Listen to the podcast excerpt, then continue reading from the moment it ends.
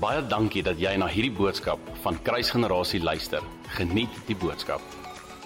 So ek begin sommer dadelik met 'n skrifgie is in Prediker of Engels Ecclesiastes 3 verse 1 en jy het al verseker hierdie skrifgie gehoor. To everything there is a season, a time for every purpose under heaven. So almal het al boodskappe gehoor oor hierdie skrif en dan gaan dit aan in die hele hoofstuk verder. Daar's 'n tyd om gebore te word, 'n tyd om te sterf, 'n tyd om te plant, 'n tyd om te oes en dan noem hy elke liewe ding so. En ek wil letterlik net eintlik begin met daai een versie. To everything there is a season, a time for every purpose. Vandat ons klein is, ek weet want ek het by skool gewerk, ek dink actually in graad 1 al leer hulle die graad eentjies van die seisoene leer hulle dat daar somer, lente, herfs en 'n winter is. En ons almal weet wat behels hierdie vier seisoene want ons leer wat die karaktereienskappe of die weerpatrone in elkeen van hierdie seisoene is. Maar het ek agtergekom in die kerk, as 'n jong Christen word ons nie eintlik geleer van ons geestelike seisoene nie. Daar's partykeer hier en daar 'n preek wat gaan oor 'n woestyntydperk of 'n woestynseisoen. En dis eintlik al wat ons van weet. Behalwe as enigiemand anders hier is wat vir my kan noem van 'n ander seisoen wat jy al van gehoor het in die gees, geestelike seisoen. So ek het bietjie die Hero journey al lank met my oor seisoene en 'n reis en my vorige preek het juist gegaan oor ons reis en hoe die Here ons ontmoet terwyl ons op 'n reis is. Maar seisoene is verskriklik belangrik. Daar's self skrif in die Bybel wat sê dat die Here regtig wil hê ons moet die seisoene ken en dit praat nie van 'n somer of 'n winter nie. Dit praat van in die gees.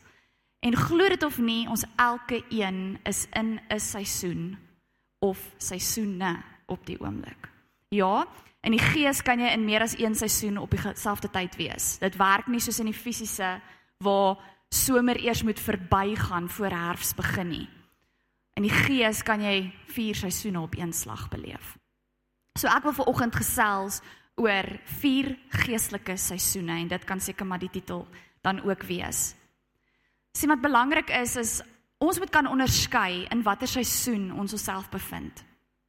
Want as ons nie weet in watter seisoen ons is nie, gaan ons nie reg optree in daardie seisoen nie. Ek meen dink gou-gou as dit nou somer is. Ons almal is vandag te somer, is ek reg? En ons sit nie hier met serpe en bootse en handskoene en ons skies aan want ons gaan nou-nou in die sneeu gaan speel nie. Glad nie. Ons is reg vir wat die weer en wat hierdie dag bepaal, wat hierdie seisoen bepaal. En so moet dit in die gees ook wees. Jy kan nie in die gees in 'n seisoen wees maar 'n ander seisoen se metode wil kom volg of 'n ander seisoen se klere wil kom aan hê nie. Jy moet geriek wees as ek daai Engelse woord mag gebruik vir jou geestelike seisoen.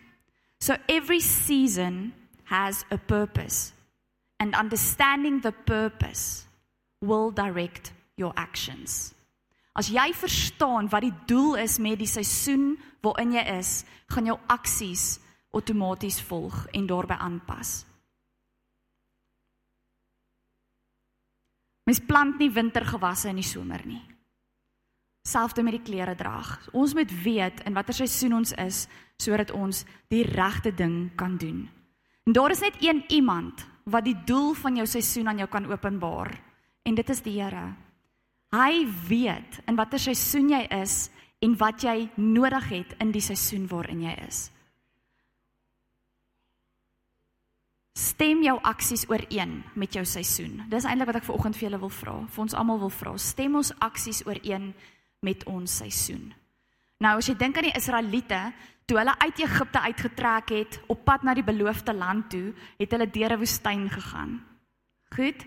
So hulle het nie die doel van hulle woestyn tydperk of seisoen verstaan nie. Hulle aksies het nie gepas by dit nie. As jy reg kan onthou, het hulle die heeltyd 'n ontsnapping gesoek. Dan het hulle terugverlang na die vleispotte van Egipte. Dan het hulle 'n goue kalf gebou. Dan wou hulle nie hierdeur gaan nie en dan het hulle hulle die heeltyd gekla oor alles wat hulle op daai stadium beleef het. En dit het veroorsaak dat hulle tydperk of hulle seisoen verleng was. Ek dink ons het hierdie ook al gesê en teen teen het ek in my vorige preek gesê, die geskiedskrywers reken dat dit 'n 11 dag tog was, reistog was van Egipte na die beloofde land. En hoe lank was die Israeliete daar? 40 jaar. Wil jy vir 40 jaar in jouselfde seisoen bly in die gees? As jy net 11 dae daar hoef te bly. Ek glo nie ons wil nie. So wanneer ons verstaan wat die doel is van ons season, sal ons aksies outomaties reg wees en aanpas en sal die seisoen vinniger wees, sal die seisoen meer oplewer, sal ons dit raak sien wat Vader wil hê ons moet raak sien. Daar's soveel goed wat die Israeliete moes leer, soveel dinge wat hulle moes raak sien. En ek glo in my hart dit was die Here se wil dat hulle almal die beloofde land moes ingaan. Maar hulle het nie, want oor 'n 40 jaar tydperk het daar mense gesterf. Daar generasies uitgesterf wat nooit in die beloofde land ingegaan het nie. Waar as hulle net by alles gehou het in daai 11 daggies, dan het daai 3 miljoen Jode wat uitgetrek het, verseker ook die beloofde land ervaar. So van vandag wil ek vir vir ons elkeen sê, hou op kla. hou op kla in die seisoen waarin jy is. Hou op vra, Here, waar is U? Hoeveel van ons vra dit? Kom aan julle, ek vra dit. Here, hoekom gebeur hierdie? Hoekom gebeur dit nie? U het dan gesê, waar is dit? Hoekom sien ek dit nie? Wat gaan aan? Hoekom is hy so ver? Al hierdie vrae. Ek wil vir julle sê vandag, your maturity in Christ will lead you away from those type of questions. Want as ons volwasse is in die Here, gaan ons nie meer vra Here, waar is U nie, want ons gaan weet waar hy is. Dis onvolwassenheid wat vra Here, waar is U? Ek wil dit vergelyk soos met 'n baba. Nou verskoon my, maar dis nou nogal ons lewe op die oomblik. As ek alles jy leer verskriklik baie met babas, soos verskriklik baie goed oor die Here. so soos wat 'n babatjie groei, het ek agtergekom my bystand en hulp wat ek vir Leilen bied word bietjie minder soos wat sy opgroei. Ek meen ons het haar nou al vir 5 maande. 5 maande terug was sy 5 maande oud. Toe kon sy nie self eet nie. Maar nou, ek help haar nog steeds, maar nie meer so baie nie. Sy kan nou al 'n lepeltjie vashou. Sy verstaan die lepeltjie moet in haar mond ingaan. So wat het gebeur? Sy het ontwikkel. Sy het gegroei. So my hulp en bystand raak minder. En dis presies so met die Here. As 'n jong Christen, dink gou terug toe jy jou lewe net vir Jesus gegee het. As jy iets gevra het, het hy geantwoord. Jy was heeltyd op die haai. Ek weet nie of jy dit al ervaar het nie. Jy het gevoel of jy 'n rollercoaster, maar jy's heel bo. Jy's aan die brand. Alles is lekker. Jy wil net kerk toe gaan, jy wil betrokke wees by alles. Die Here kom deur, jy hoor sy stem, jy jy ervaar hom, dit is so lekker. Maar as jy vir 10 jaar die Here dien, vir 30 jaar die Here dien, het ons nog steeds daardie selfde gevoel hier binne as in die heel begin ervaar ons nog steeds dat die Here so naby is of praat of deurkom soos toe. sien as 'n jong Christen in ons tyd met Jesus in die heel begin, dan is dit amper asof die Here elke vraag beantwoord. Dis wat ons ervaar. En daarmee sê ek nie hoe hoe langer jy die Here dien dat hy dit nie meer doen nie. Hy antwoord ons nog steeds, net nie dadelik nie, want jy het gegroei. Jy het volwasse geword. Hy wil hê jy moet op hom wag. Hy wil hê jy moet dieper delf. Hy wil hê jy moet langer tyd by hom spandeer. Hy wil hê jy moet meer insit.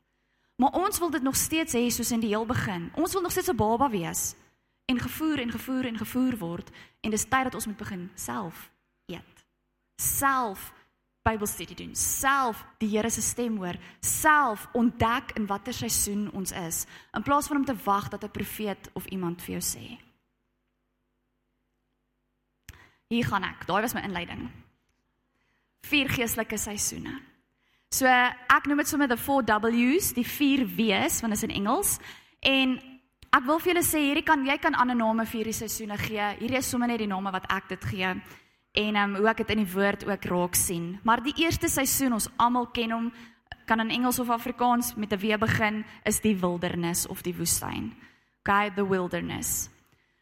Nou As ons praat oor die wildernis, dan dink ek ons almal het dadelik 'n negatiewe konnotasie. Wat is 'n wildernis? Hoe lyk 'n woestyn? Dis droog. Dis warm. My man sal nie van 'n woestyn hou nie. Dit hy hou nie van warm kry nie. Okay, dis warm in die dag, dis koud in die aand. Daar's nie baie lewe nie of groei nie. Daar's min water. Dis ons raamwerk van 'n wildernis of 'n woestyn. Maar as ek die woord lees, dan het Jesus die teenoorgestelde ervaring gehad toe hy in die woestyn was. Kan julle onthou net na hy gedoop is, toe sê die woord in Matteus 4 dat die Heilige Gees hom in die woestyn ingelei het.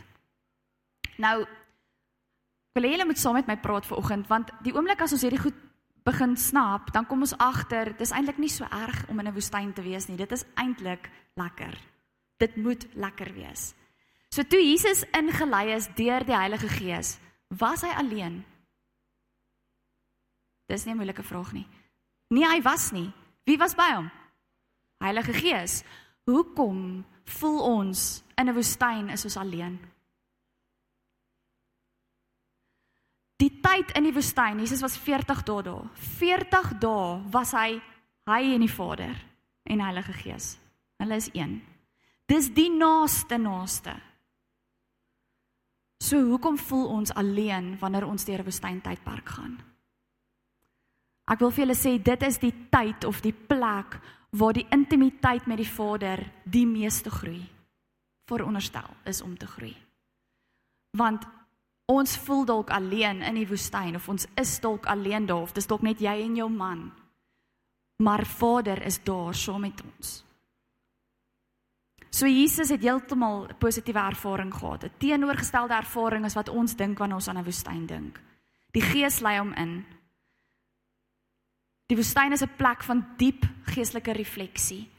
So wanneer jy in 'n woestyn tyd tydperk is, in plaas van om te voel die Here is ver, die Here praat nie, hy's nie by my nie, sien dit as hierdie is tyd wat ek kan reflekteer op dit wat in my gees gedeponeer is. Op dit wat ek al ontvang het, op die waarheid, die woord van God. Dis 'n plek van vrede as gevolg van die Here se teenwoordigheid. Hy is die prins van vrede. So as hy saam met ons in 'n woestyn is, dan is daar vrede. Dis nie veronderstel om chaoties te wees nie. Maar ons dink my woestyntydperk is hierdie verskriklike erg seisoen. Ons gaan nou-nou kom by die seisoen wat bietjie meer intens is. 'n Woestyntydperk is ook 'n tyd van voorbereiding en 'n tyd van vrymaking sien die Here lei juis die Israeliete uit Egipte uit om hulle vry te maak van slawerny en hulle ontvang daai vryheid in die wildernis. So as jy jouself in 'n wildernis of woestyn bevind in die gees, luister, spandeer tyd met Vader om te hoor waarvan wil hy jou kom vrymaak. Dis die ideale geleentheid, dis die ideale plek waar jy gaan vrykom. Waar jy jou gaan voorberei vir die volgende seisoen. Hosea 2 vers 4 in die New King James vertaling sê therefore behold I dis God wat hier praat will allure her. Daai woord allure beteken lok. Ek sal jou lok. I will bring you into the wilderness and speak comfort to you. Kan jy sien die Here praat in die woestyn? OK hy is nie stil nie Ons het dit al 100 keer gesê. God is 'n God wat praat en hy praat vandag nog. Hy is nie stil nie. Daar's so 'n spreekwoord wat sê die die onderwyser is stil tydens sy eksamen. Dis glad nie die waarheid nie. Ek was 'n onderwyser. Jy bly nie stil in die eksamen nie. As 'n kind jou iets vra, antwoord jy hom. Daar's die heeltyd kommunikasie met die kinders. Daar is nie net stilte die heeltyd nie. Die een wat die autoriteit het, praat. Die kinders mag nie praat nie. So in jou woestyntydperk wil God met jou praat. Hy is nie stil nie. Goed. Dit is die woestyn of the wilderness. Die tweede geestelike seisoen wat ons kan ervaar. En hierdie seisoen breek gewoonlik aan wanneer ons binne in die woestyn is. OK, so hier's twee seisoene wat oorvleuel wat jy gelyk kan ervaar. En ons noem dit of ek noem dit the warring season war soos geveg. die vegseisoen. Nou dadelik dink ons, ooh, daar's 'n paar mense wat ek wil veg en daar's 'n paar mense wat met my wil nee. Nee, nee, nee, nee. Kyk, ons veg nie mense nie. Goed, in hierdie seisoen kan jy teenkanting ervaar. Jy kan aanvalle ervaar. Jy kan ook oppositie ervaar. Selfs terugslaan. Dis in hierdie seisoen waar jy hoor jy's siek. Dis in hierdie seisoen waar jy hoor jy het jou werk verloor.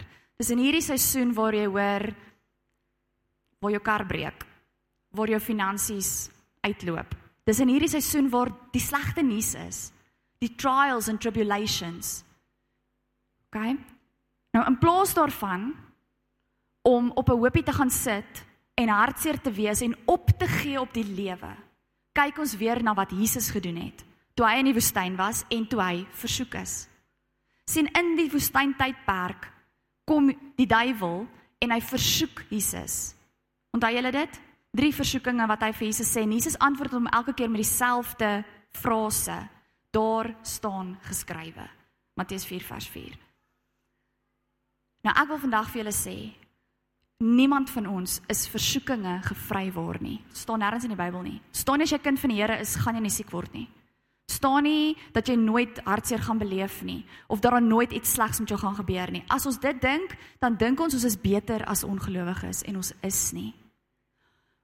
Een ding wat ek vir julle kan sê is, al is ons nie gevry word van die sleg van hierdie wêreld nie. Sê die woord van God, we are in this world but we are not of this world. Met ander woorde, ons is bevoorreg om iemand te ken wat nie in hierdie wêreld is nie, maar wat van 'n ander riem is, Jesus. Wat alles weet, wat bonatuurlike krag het en as hy in ons lewe is en deel is van wie ons is en ons van hom, dan het ons 'n voorsprong en 'n voordeel om al die teenkanting en al die slegte goed wat ons kant toe kom te kan weerstaan. En in ons war season veg ons soos Jesus met die woord. Dit is hoekom dit so belangrik is julle om die woord van God te ken. Ek sê nie jy moet die hele Bybel memoriseer nie. Maar jy moet ten minste weet Hebreërs 13 vers 5 for I will never leave you nor forsake you. En wanneer jy voel jy's alleen, dan quoteer jy daai skriffie vir jouself, laat jou gees, laat jou kop kan besef jy is nie alleen nie, die Here is by jou. Dis belangrik om te weet die Here is jou herder. Hy lei jou na waters. Hy is daar. Hy gee vir jou na die groen weivelde. Dis belangrik om hierdie goed te weet. Maar as ons nie woord of skrif ken nie, hoe gaan ons veg? Hoe gaan ons teenkanting veg? Hoe gaan ons oppositie veg? Dis ook waar jou profetiese woord inkom. 1 Timoteus 1:18 sê Paulus vir Timoteus: "Veg met jou woord." Make warfare with your prophetic word.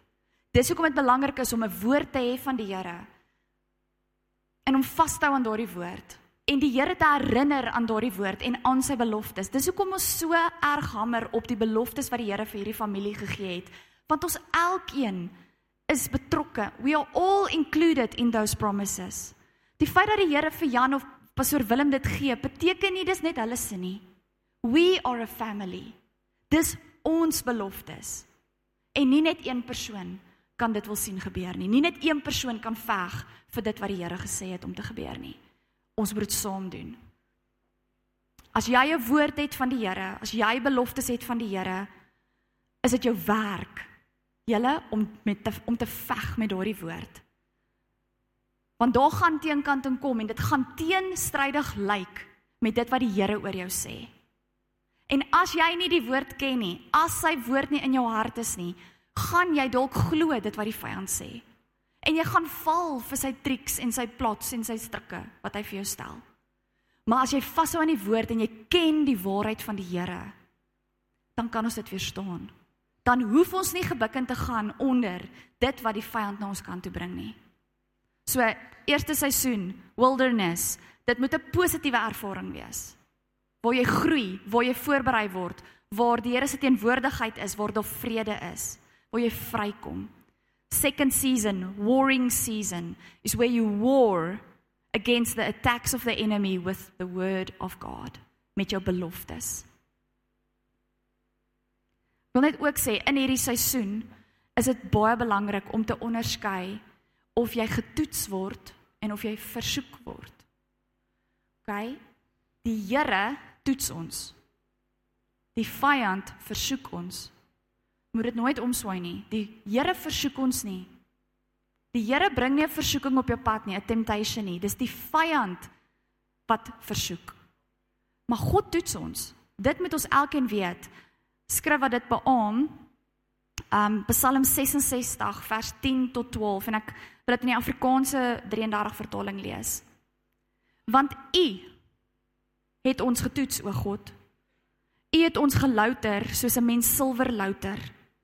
U het ons in die net gebring, 'n swaar las op ons heupe gelê. U het mense oor ons hoof laat ry. Ons het in die vuur en in die water gekom, maar U het ons uitgelei in oorvloed. Julle, die Here toets ons. Ons moet dit weet. En moenie 'n toets toeskryf aan die vyand nie. En moenie 'n versoeking toeskryf toeskryf aan die Here nie. So onderskei in jou gevegseisoen Is hierdie 'n toets vir my geloof of is hierdie 'n versoeking om my te potjie? Onthou Paulus het gesê in Efesiërs 6 vers 12 ons stryd is nie teen vlees en bloed nie. So ek wil weer dit beklemtoon. Ons veg nie mense nie. As iemand vir jou iets sê of vir jou snaaks kyk of jou nie groet nie of nie dankie sê nie of jou van iemand in jou familie snaaks optree teenoor jou, dan gaan ons hulle nie veg met ons woorde nie. Jy gaan na Jesus toe and you will war there. Iemand sê vir jou iets wat nie is wat die Here oor jou sê nie. Jy val nie daai mens aan nie. Jy gaan na God toe. Jy gaan delf in die skrif om te sien wat hy van jou sê. En jy veg met die woord by die Here, nie 'n mens nie nog 'n bemoedigende skrifgie wat jy kan memoriseer in hierdie gevegseisoen of in jou woestynseisoen selfs. Psalm 46 vers 1 God is my refuge and my strength. A very present help in time of trouble. Present is now So wanneer jy voel dinge is te veel, die versoeking is te veel, daar's te veel negatiewe woord, te veel negativiteit, dinge is moeilik en swaar. God is 'n nou helper. Nou. Hy's nie ver nie, hy het nie van jou vergeet nie, hy kyk jou nie mis nie. He is a present help. Voordat ek gaan na die volgende seisoen toe, is dit belangrik om hierdie skrifgie ook te onthou. Galasiërs 6 vers 9. Dit sê and let us not grow weary while doing good for in due season we shall reap if we do not lose heart. So ek wil vir jou sê wanneer jy war, wanneer jy veg, wanneer jy met die Here oor jou woord en oor beloftes stoei, moenie moeg word en opgee nie. For in due season, volgende seisoen gaan jy reap, gaan jy maai. Dit bring my by die derde een. Ek noem hierdie seisoen die wen seisoen, the winning season. Dit voel partykeer daar's min van hulle. Daar's min seisoene waar ons voel ons is wenners en ons het hierdie ding oorkom. Want net as ons dink ons het iets oorkom dan dan wil hy ons weer trip. Maar daar is tye, julle, wat dit regtig net met jou goed gaan. Glo dit of nie, dit kan net goed gaan. Sonder dat daar enige iets is wat jou bekommer, sonder dat daar enige iets is wat jou wil laat struikel, sonder dat daar enige iets is wat jou wil afbring. Daar is sulke tye. En die Here wil hê ons moet sulke tye beleef. Hy wil hê ons moet in 'n wenseisoen wees. Die wenseisoen lewer 'n oes. Dis in hierdie seisoen waar jy God se voorsiening sien. Waar jy sy blessings ervaar. Waar sy guns en genade en goedheid oorloop. Ek hoop julle het al hierdie seisoene ervaar, hierdie een spesifiek. Dis in hierdie seisoen waar jy voel everything is right, it's the right time, the right place, the right way. Alles voel net reg. Jy mag so voel. Baie keer dink ons ons het nie ons mag nie so voel nie. Nee, dit kan nie, dit gaan te goed. Twak man, dit kan nie te goed gaan nie. Jy's 'n kind van die Here. En as jy nie wil hê wat hy vir jou het nie, dan gaan jy nie lekker deur die lewe gaan nie. Maar as jy weet wat hy vir jou het en jy vat dit en jy maak dit jou eie, dan kan jy lekker lewe in oorvloed soos wat die woord beloof. Ongelukkig wanneer dit met ons goed gaan, dan skuif ons vir Jesus ook een kant toe. Weet nie hoekom dit of dit net 'n Suid-Afrikaanse kultuur dingetjie is nie en of dit reg oor die wêreld so is nie, maar die mens is so selfsugtig. Sien ons wil die Here hê wanneer dit sleg gaan. En dan moet almal vir ons bid. Maar as dit goed gaan, dan kom ons nie kerk toe nie. Dan lees ons nie meer Bybel nie. Dan moet Jesus op die rak sit. Ek wil vir jou waarsku vandag. Do not become reluctant.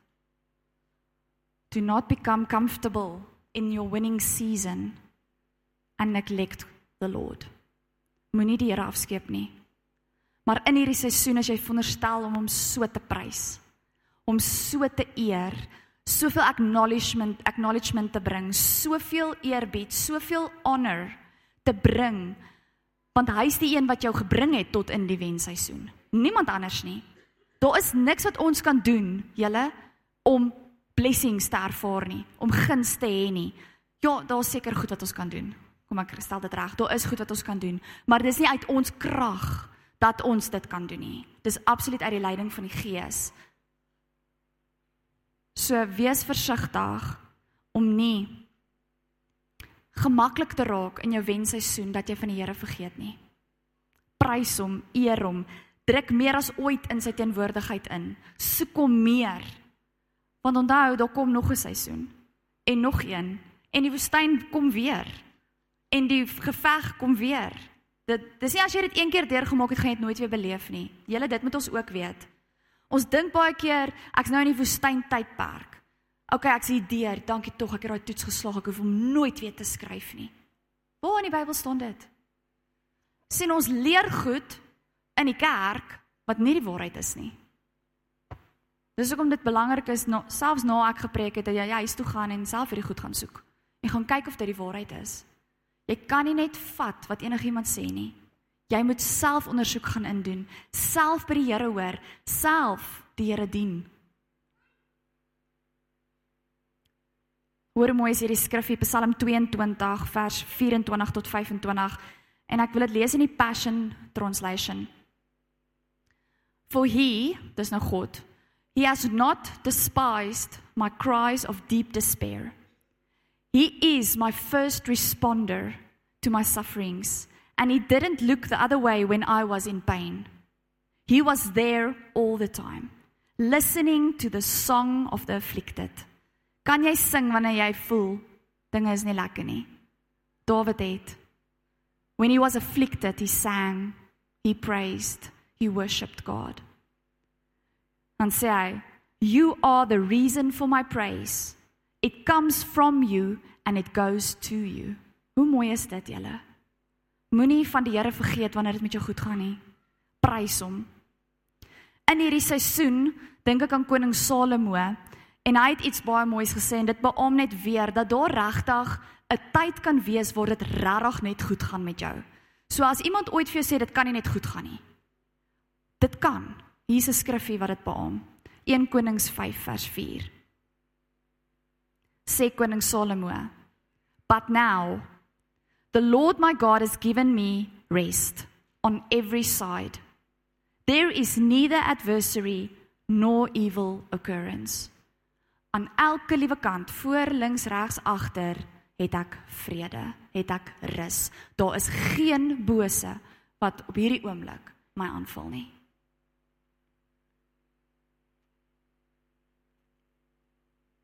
Maar terwyl jy in jou wenseisoen is, dan kom die ander seisoen terselfdertyd. En dis die seisoen van wag, waiting, the waiting season. Dink baie van ons is of was al in hierdie seisoen Ek weet ek en my man is nog steeds in hierdie seisoen. Daar is nie 'n getal gekoppel aan jou wagperiode nie. Volgens die woord van God nie. As Abraham 100 jaar kon wag, kan ons ook. As Josef 13 jaar kon wag, kan ons ook. Ons kan dit opnoem. Hanna, Maria, ons kan hulle almal opnoem. As hulle kon wag, julle kan ons ook. Hulle het nie die Heilige Gees daai tyd gehad nie. Ons het die Heilige Gees. Ons het 'n helper. Dit moet vir ons makliker wees om te wag as vir die tyd in die, vir die mense in die Bybeltyd. So in die wagseisoen beleef jy rus. Jy beleef vrede en wag. Wie hou van wag? Niemand. OK, miskien moet ek 'n scenario skep. Wie hou van wag by die polisiekantore? OK, niemand. Lisensiekantore? Nee. Kragkoop? OK. Wie hou van wag vir 'n geskenk vir Kersfees? OK, daar's 'n paar hande. Wie hou van wag vir 'n nuwe selfoon? Jy weet jy upgrade, jy wag. Jy's excited om te wag. Nee. OK. Wie hou van wag? Jy's in afwagting vir jou bruid of jou bruidegom as jy nou nog nie getroud is nie. Kom, daar moet mense wees. Yes. So daar's goeie wag of lekker wag en daar's slegte wag. OK, stem julle saam hè? Goed. Wanneer ons rus en wag, beteken dit ons kan niks doen. Beteken dit ons kan niks doen? Nee. So rus, ons het dadelik die koneksie. Ek kan net sit. Alles gaan in my skoot val.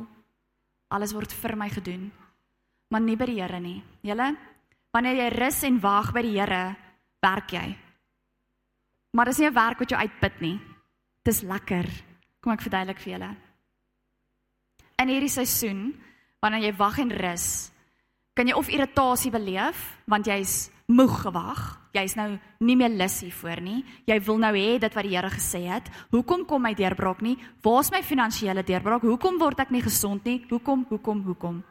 Of kan jou gedagtes vernuwe en jy kan soveel vrede ervaar in hierdie tyd wat jy rus en wag by die Here omdat jy weet hy is besig. Hy is besig om te werk. Al wat jy moet doen is om te vertrou. Ek wil hierdie wag nog bietjie opbreek. En ek sien in die Bybel daar's twee tipes wag. Julle hierdie goed het my baie gehelp. Om vir 12 jaar te wag vir 'n baba, my eie baba, waarvoor ek nog steeds wag en waarvoor ek nie sal ophou wag en bid en vertrou nie. Moet jy leer hoe om te wag. Want ons natuur, ons menslike natuur kan nie wag nie. Ons wil nie wag nie. En nou moet jy wag op iemand wat jy ook nie kan sien nie. So dis nog moeiliker. OK? So hierdie goed help my verskriklik baie en ek hoop vandag dit help jou. So die eerste wag wat ek in die woord kry is 'n stil of 'n passiewe wag. Nou moenie dink omdat die woord passief daar is dat jy niks doen nie. Right? Jy doen nog steeds iets. Jy luister. Nou om te kan luister, moet jy fokus. Jy moet aandag gee. Jy moet stil word. Party mense kan praat en luister gelyk. Dis moeilik. So ons moet stil word en luister. So hier's 'n stil of 'n passiewe wag. Dawid sê in Psalm 27 vers 14, "Wait for the Lord, be strong and take heart and wait for the Lord." So wag word versterk in jou hart en wag. Psalm 37 vers 7 Rest in the Lord and wait patiently for him. Daai selfde skrifgie in die Passion vertaling sê quiet your heart in his presence and pray. Keep hope alive as long as you long for God to come through for you. So wanneer ons wag, is daar 'n paar goed wat ons moet doen. Jy moet stil word in die eerste plek. Stil word is moeilik as jy die heeltyd besig is. Iewers moet jy na die Here toe gaan en stil word. Moet jy by hom tyd spandeer. Dis iets wat ons moet doen, julle. Word stil. Pray. Jy moet bid. Wanneer jy wag op die Here, dan bid jy. Jy mediteer, jy spandeer tyd, jy's by hom, jy luister wat hy sê.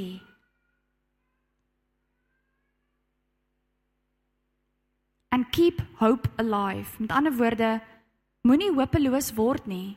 wanneer jy wag, moenie hoop verloor nie. Hoop is om te vertrou, dis om uit te sien, dis om iets te verwag. So moenie laat dit gesteel word by jou nie. Koester dit. Hou dit veilig. Sê die woord nie ook in Jesaja 40, ek dink julle ken hierdie ook.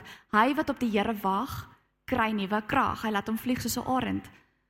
So wanneer ons wag, word ons versterk. So ons moet leer om te wag by die Here. Ons kan nie alles so vinnig kry nie. Daar's iets wat hy ons wil leer in die wagtydperk. So dis 'n stil of 'n passiewe wag waar ons net moet luister terwyl ons tyd by hom spandeer. Die tweede tipe wag wat ek sien in die Bybel is 'n expectant waiting of 'n verwagtende, afwagtende wag, as ek dit kan noem. So hier luister jy nie net nie, jy kyk. Jy kyk om te sien die ding waarvoor jy wag. So weer eens, jou beloftes. Die woord wat die Here oor jou gespreek het. Dis om te wag, om te sien hoe dit in vervulling kom. Om te sien hoe dit gebeur. Om te sien hoe daai deurbraak kom. En kan jy dit sien voor dit daar is? My vorige preek het ek gepraat oor hoe die Here vir Abraham laat staan het op 'n plek en hy het vir hom gesê: "Kyk, sien jy dit?" En daar was niks. Maar die Here het vir hom gesê: "Sien dit voor dit daar is." Ons moet dit sien voor dit daar is. Dit is wat geloof is. Hierdie wagperiode is absoluut om te vertrou. So jy vertrou op dit wat hy gesê het en dat hy 'n waarmaker van sy woord is en jy kyk, you behold his goodness, you behold his provision, you behold the fulfillment of the promises. 'n Voorbeeld in die Bybel waar ek dit sien, is toe Jesus vir die disippels sê, "Gaan wag in die bokkamer." Vir wat? Die uitstorting van die Heilige Gees, Handelinge 1 vers 4. Gaan wag. Hulle het nie geweet hoe lank hulle gaan wag nie. Maar hulle het geweet hulle wag vir iets.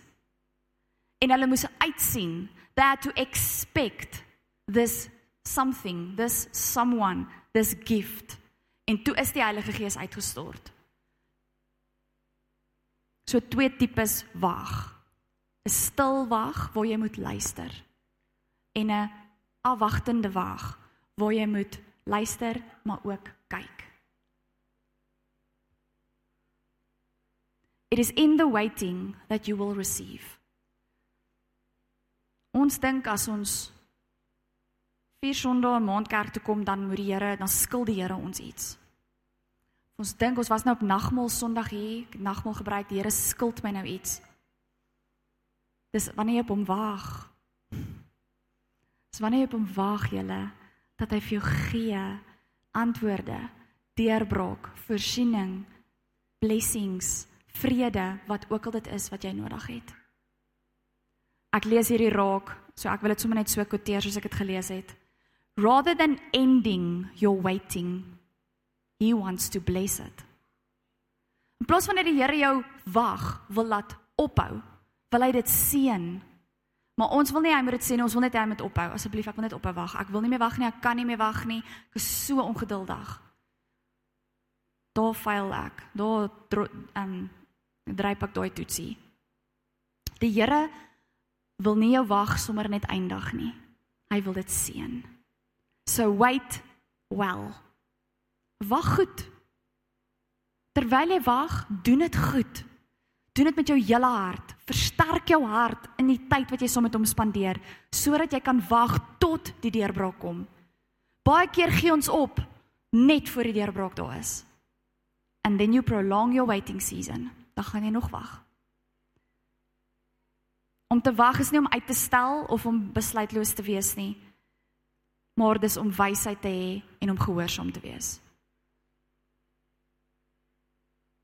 Ek wil klaar maak en sommer net hier drie drie belangrike stellings vir julle deurgee wat ek wil hê julle moet onthou. Dit maak nie saak in watter seisoen jy jouself bevind nie en as jy vandag dalk nog steeds nie weet nie, gaan bid daaroor en hoor by die Here. Is jy in 'n wilderness?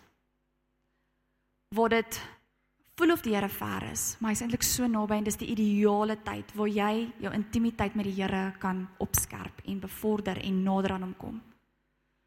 As jy in 'n war season waar jy met die woord moet veg, want daar's goed wat gesê is wat nie die Here se hart is nie en jy moet dit weerstaan met die woord. Doen dit. Spandeer tyd in die woord. As jy in 'n wenseisoen, winning season, waar dit regtig goed gaan, Daar is nie teenkanting op die oomblik nie. Daar is nie iets slegs op die oomblik nie. Ek wil vir jou sê geniet dit en prys die Here. Sing, worship, spandeer nog meer tyd saam met hom om vir hom die eer te gee vir dit. En as jy in 'n wagseisoen is, wag goed. Spandeer tyd met hom, luister en kyk wat hy wil doen. Elkeen van hierdie seisoene gaan nuwe uitdagings bring. Moenie verbaas wees as daar 'n nuwe uitdaging na jou kant toe kom nie. Dit is wat seisoene doen. Laas jaar se winter het nie soos hierdie jaar se winter gelyk nie. Daar was iets anders. Dit was of kouer of langer of vinniger verby of dit het gesneeu of nie ges julle hoor wat ek sê? Elkeen lyk anders. Don't become flustered when the new happen. As daar iets nuuts gebeur, 'n nuwe um uitdaging is, moenie dat dit jou moenie laat dit jou shake nie. Weet dat dit wat jy in hierdie seisoen waarin jy nou is leer, is nie vir nou nie. Julle hierdie was my groot openbaring. Baie keer weet jy nie wat jy nou leer nie. Maar as jy deur hierdie seisoen is en jy kyk terug, dan sien jy, o, maar ek het dit geleer. Hier's my karakter gevorm. Dis wat Vader vir my openbaar het. Wow. En daai goed gebruik ek vir my volgende seisoen. So dit wat ek nou leer, wetend of onwetend, gaan ek nodig hê vir die volgende seisoen. So maak seker wanneer die Here met jou praat, nie as nie, wanneer hy met jou praat. Skryf dit neer. As daar skrif is wat vir jou uitstaan, as jy woord ontvang, as daar 'n liedjie is wat met jou praat, as jy 'n droom kry, hoe ook al die Here met jou praat, skryf hierdie goed neer. Dit mag dalk nie nou iets beteken nie of dit mag dalk nie nou deurbraak of uitweg bring nie. Maar ek beloof vir jou, in die toekomstige seisoene gaan dit gaan dit onskatbare waarde hê. Dit gaan so jou help. Dit gaan so dit gaan soveel antwoorde bring. So moenie dit wat jy nou leer onder die mat invee of miskyk nie. Maar weet dat in elke seisoen met sy nuwe uitdagings, het jy klaar goed geleer. Jy het klaar tools in jou sak om die seisoen aan te pak en deur te kom. Baie dankie dat jy na hierdie podcast geluister het. Indien jy die boodskap geniet het, deel hom asseblief met jou vriende.